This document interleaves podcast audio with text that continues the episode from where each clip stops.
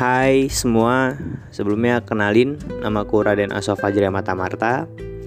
Aku merupakan salah satu mahasiswa Universitas Diponegoro jurusan D3 Hubungan Masyarakat PSTKU Batang. Yang mana pada kali ini aku sedang menjalankan pendidikan di semester 4. Nah, pada podcast kali ini aku bakal bahas dan kupas tuntas mengenal Prodi D3 Hubungan Masyarakat, di mana pada podcast ini aku bakal bahas secara mendalam. Mungkin banyak nih dari kalian yang masih bingung, ranahnya jurusan D3 Hubungan Masyarakat tuh ke mana sih? Yang dipelajarin kira-kira apa aja? Terus prospek dunia kerjanya ke arah mana? Nah, salah satunya pernah ada calon mahasiswa jurusan hubungan masyarakat yang bertanya kepadaku. Pertanyaan sedikit lucu nih. Pada saat itu yang ditanyakan oleh calon mahasiswa D3 Hubungan Masyarakat seperti ini kira-kira.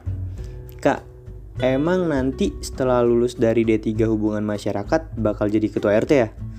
Karena kan secara faktanya yang sering berhubungan dengan masyarakat tuh ketua RT. Masyarakat ketika ada masalah dan ada membahas isu-isu terkait permasalahan yang ada di daerahnya, itu lapor ke ketua RT.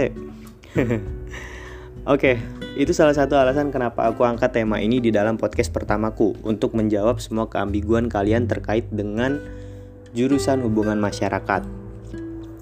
Nah, kurang lebih dalam podcast ini aku bakal bahas hal-hal terkait jurusan hubungan masyarakat. Sebelum kalian terjun atau masuk ke dalam jurusan hubungan masyarakat, kalian harus tahu dulu nih, apa sih hubungan masyarakat? Nah, menurut Wikipedia, wah searching banget nih kita ya Hubungan masyarakat atau sering disingkat humas atau mahasiswa sering menyebutnya public relation itu adalah praktik mengelola penyebaran informasi antara individu atau organisasi dan masyarakat.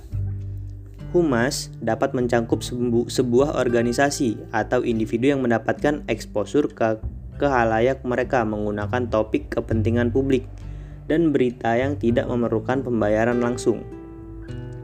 Nah, tujuan dari hubungan masyarakat itu sendiri oleh perusahaan sering untuk membujuk masyarakat, investor, mitra, karyawan, dan pemangku kepentingan lainnya untuk mempertahankan sudut pandang tertentu tentang hal itu, kepemimpinannya, produk, atau keputusan politik.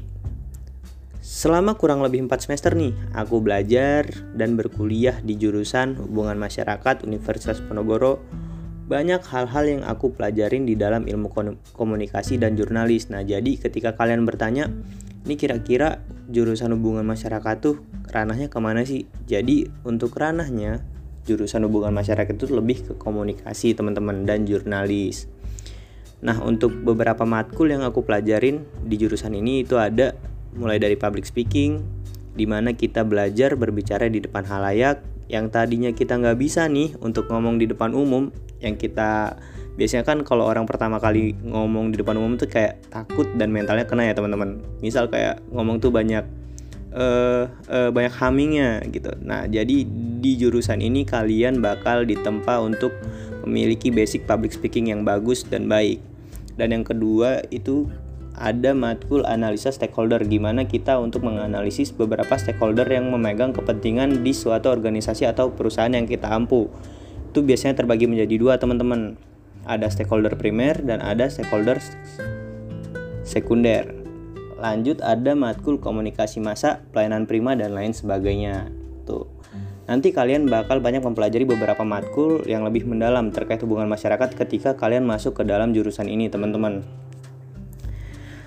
Nah balik lagi jadi nggak ada nih yang tadi ditanyakan oleh salah satu calon mahasiswa jurusan hubungan masyarakat terkait nantinya bahwa lulusan jurusan hubungan masyarakat itu menjadi ketua RT itu enggak.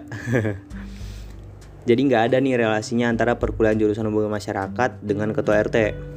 Tapi jika kamu emang memiliki cita-cita menjadi ketua RT, ya bisa banget lah bahwa eh, hal-hal yang kamu pelajarin di dalam jurusan hubungan masyarakat ini itu kamu aplikasikan ke dalam profesi kamu sebagai ketua RT karena nantinya kamu ketika menjadi ketua RT kamu bakal berhadapan langsung dengan masyarakat dan menjawab semua permasalahan yang ada di daerah yang kamu cangkup gitu. Jadi udah terjawab ya pertanyaan terkait apakah lulusan hubungan masyarakat bakal jadi ketua RT? Oke, kita lanjut. Kenapa harus pilih jurusan hubungan masyarakat? Nah, kalau kamu bertanya seperti ini, aku bakal jawab nih. Kalau kamu emang aktif dan suka berorganisasi, supel dan suka menulis, kamu cocok memilih prodi hubungan masyarakat Berkuliah di prodi ini mengharuskan kamu memiliki kepribadian yang menyenangkan dan mudah dekat dengan orang lain karena nantinya kamu bakal berhubungan dan berkomunikasi dengan orang-orang yang bakal baru kamu kenal. Mulai dari masyarakat, investor dan lain-lain itu pasti kamu baru kenal dan kamu harus mendekatkan diri kepada mereka gitu kan. Karena kamu harus menarik perhatian dan membangun citra positif dari perusahaan atau organisasi yang kamu pimpin. Kamu juga cocok di prodi humas kalau kamu menyukai public speaking.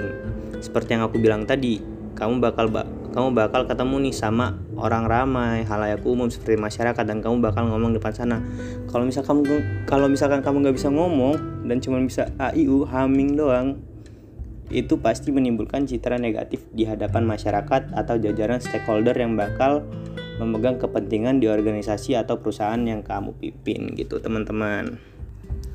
Nah, kalau kamu bertanya karakter siswa yang sesuai dengan jurusan hubungan masyarakat itu apa aja sih? Kalau menurutku pribadi, karakter siswa yang sesuai dengan jurusan ini yaitu kritis, berwawasan luas, observan, senang melakukan riset, senang menganalisis, keterampilan komunikasi, keterampilan interpersonal, senang memecahkan masalah, bisa bekerja sama dengan tim.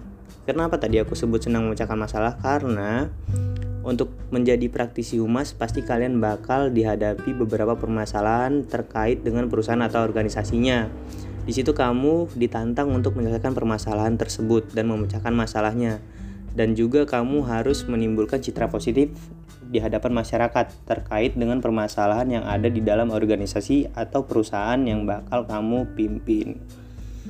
Lalu, kenapa harus senang menganalisis? Nah, dari permasalahan tadi kamu harus menganalisis nih kira-kira permasalahannya ada di mana dan jangan sampai terulang di kemudian hari karena apabila terulang itu akan menyebabkan suatu hal yang fatal di hadapan masyarakat dan seluruh dan seluruh jajaran stakeholder yang bakal memegang kepentingan di organisasi atau perusahaan. Tuh teman-teman.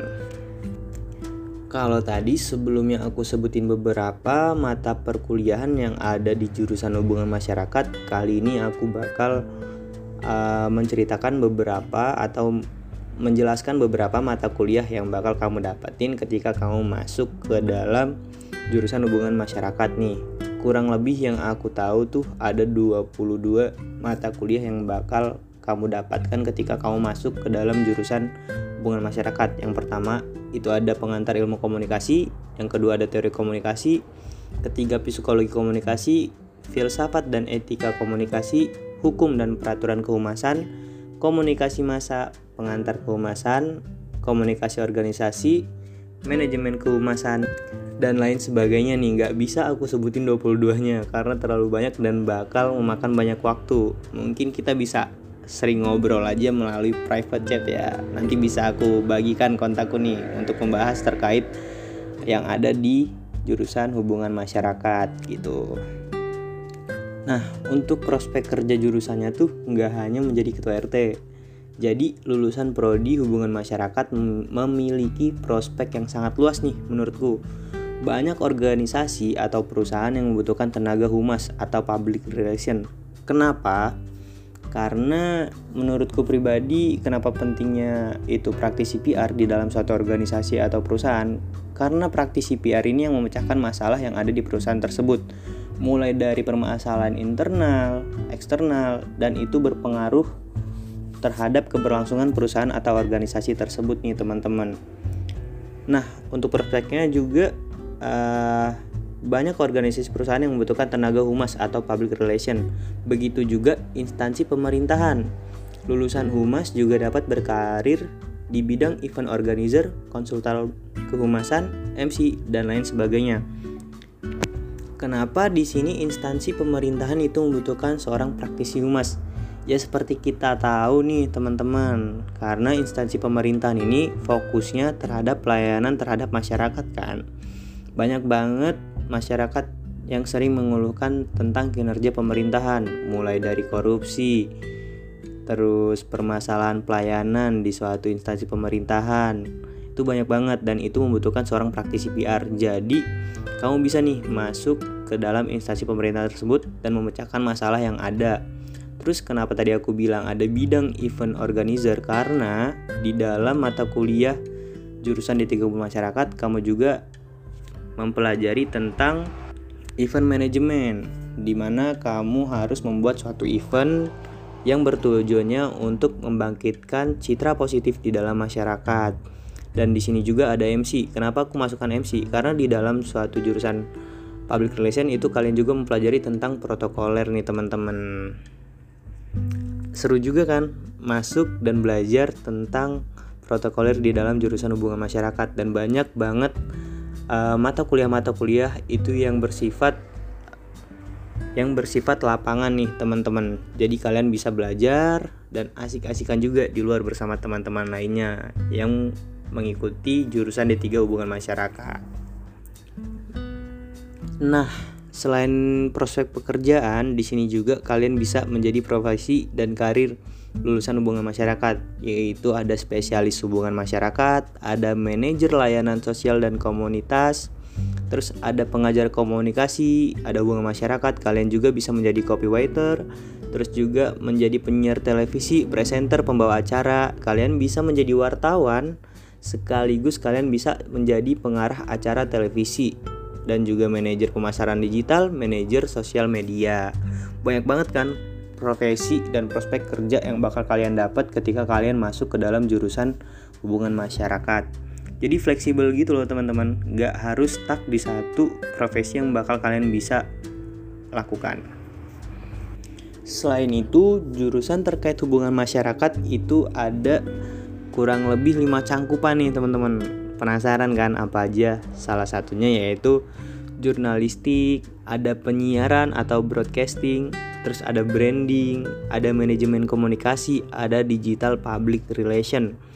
Nah, kalau kamu emang tipikal orang yang suka ngomong, itu kalian bisa nih menjadi penyiaran broadcasting dan itu biasanya prospek kerjanya kayak menjadi penyiar radio gitu nih seru banget kan kalian bisa ngobrol dengan orang banyak kalian bisa menyebar informasi melalui media radio gitu kan nah Apabila kalian suka menulis, itu bisa masuk ke ranah jurnalistik di mana kalian bisa menulis suatu pemberitaan atau informasi melalui media koran atau media online lainnya.